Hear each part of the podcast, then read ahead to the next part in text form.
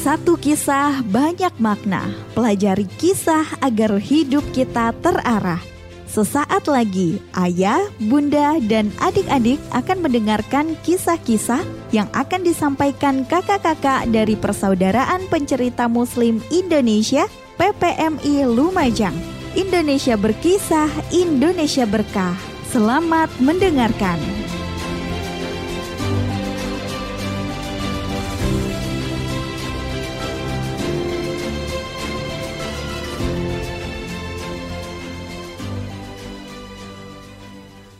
A'udzu billahi minasyaitonir rajim. Bismillahirrahmanirrahim. Alam taro kaifa fa'ala rabbuka bi ashabil fil.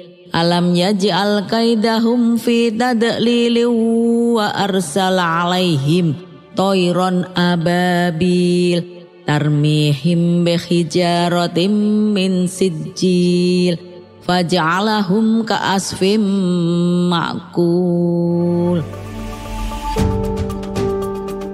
Assalamualaikum warahmatullahi wabarakatuh Adik-adik muslim tersayang. Kemarin Kak Isti sudah cerita tentang penyerbuan Raja Abraha ke kota suci Mekah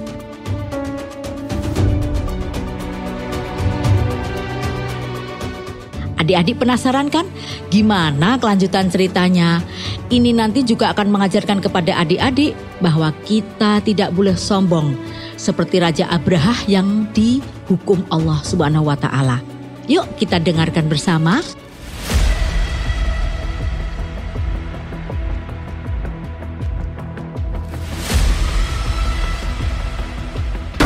Kita lawan mereka Abdul Muthalib berikan peringatan kepada setiap orang untuk bertempur. Orang-orang Quraisy di Mekah panik. Mereka meminta pendapat Abdul Muthalib untuk bertempur. Abdul Muthalib tahu sekeras apa pun mereka melawan, semuanya akan sia-sia. Pasukan Mekah akan ditaklukkan. Karena itu, dia menjawab dengan bijak, "Tidak, kita tidak akan mampu." Seorang utusan Abraha telah tiba dan menyampaikan keterangan bahwa Abraha tidak akan memerangi kita. Abraha hanya ingin menghancurkan Ka'bah. Kita akan selamat jika tidak menghalanginya. Aku sarankan semua orang pergi mengusik ke gunung-gunung di sekeliling kota. Abdul Muthalib kemudian mendatangi markas Abraha bersama beberapa orang pemuka Mekah. Kembalikan unta-unta kami yang dirampas pasukanmu, kata Abdul Muthalib kepada Abraha. Akan kukembalikan unta-unta itu. Apakah ada halan yang engkau minta? Tanya Abraha. Urungkan niatmu untuk menghancurkan Ka'bah.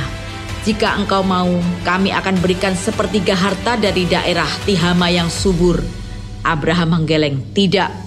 Kalau begitu, kami serahkan pengamanan Ka'bah kepada Tuhan pemilik Ka'bah. Jawab Abdul Muthalib lalu dia pergi. Adik-adik tersayang, kini kota Mekah kosong melompong. Penduduknya telah mengungsi. Jalan lebar terbuka bagi Abraha untuk menghancurkan Ka'bah yang letaknya sudah di depan mata. Siapakah yang mampu menghalangi kekuatan sebesar itu?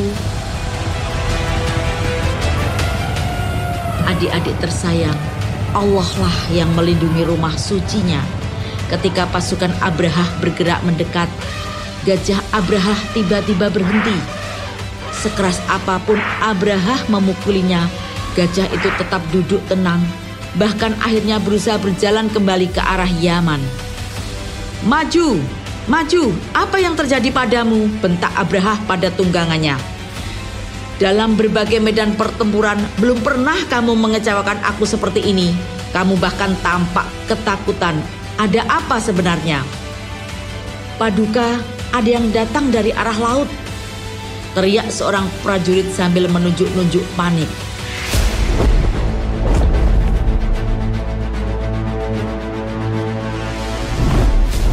Saat itulah dari arah laut Allah mengirim kawanan burung yang kepakan sayapnya menutupi sinar matahari seperti iringan awan mendung yang bergerak cepat.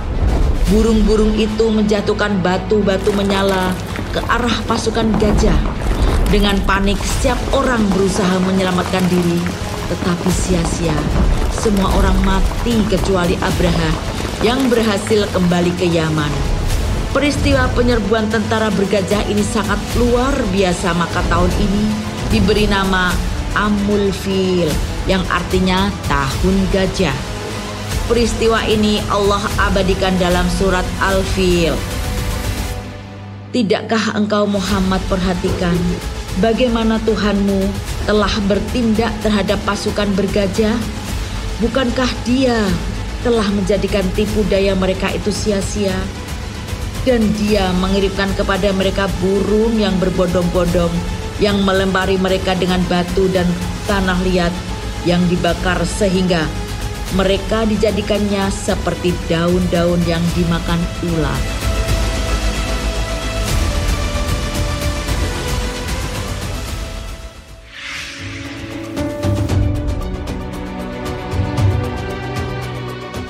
Gimana adik-adik muslim ceritanya tentang pasukan bergajah tadi?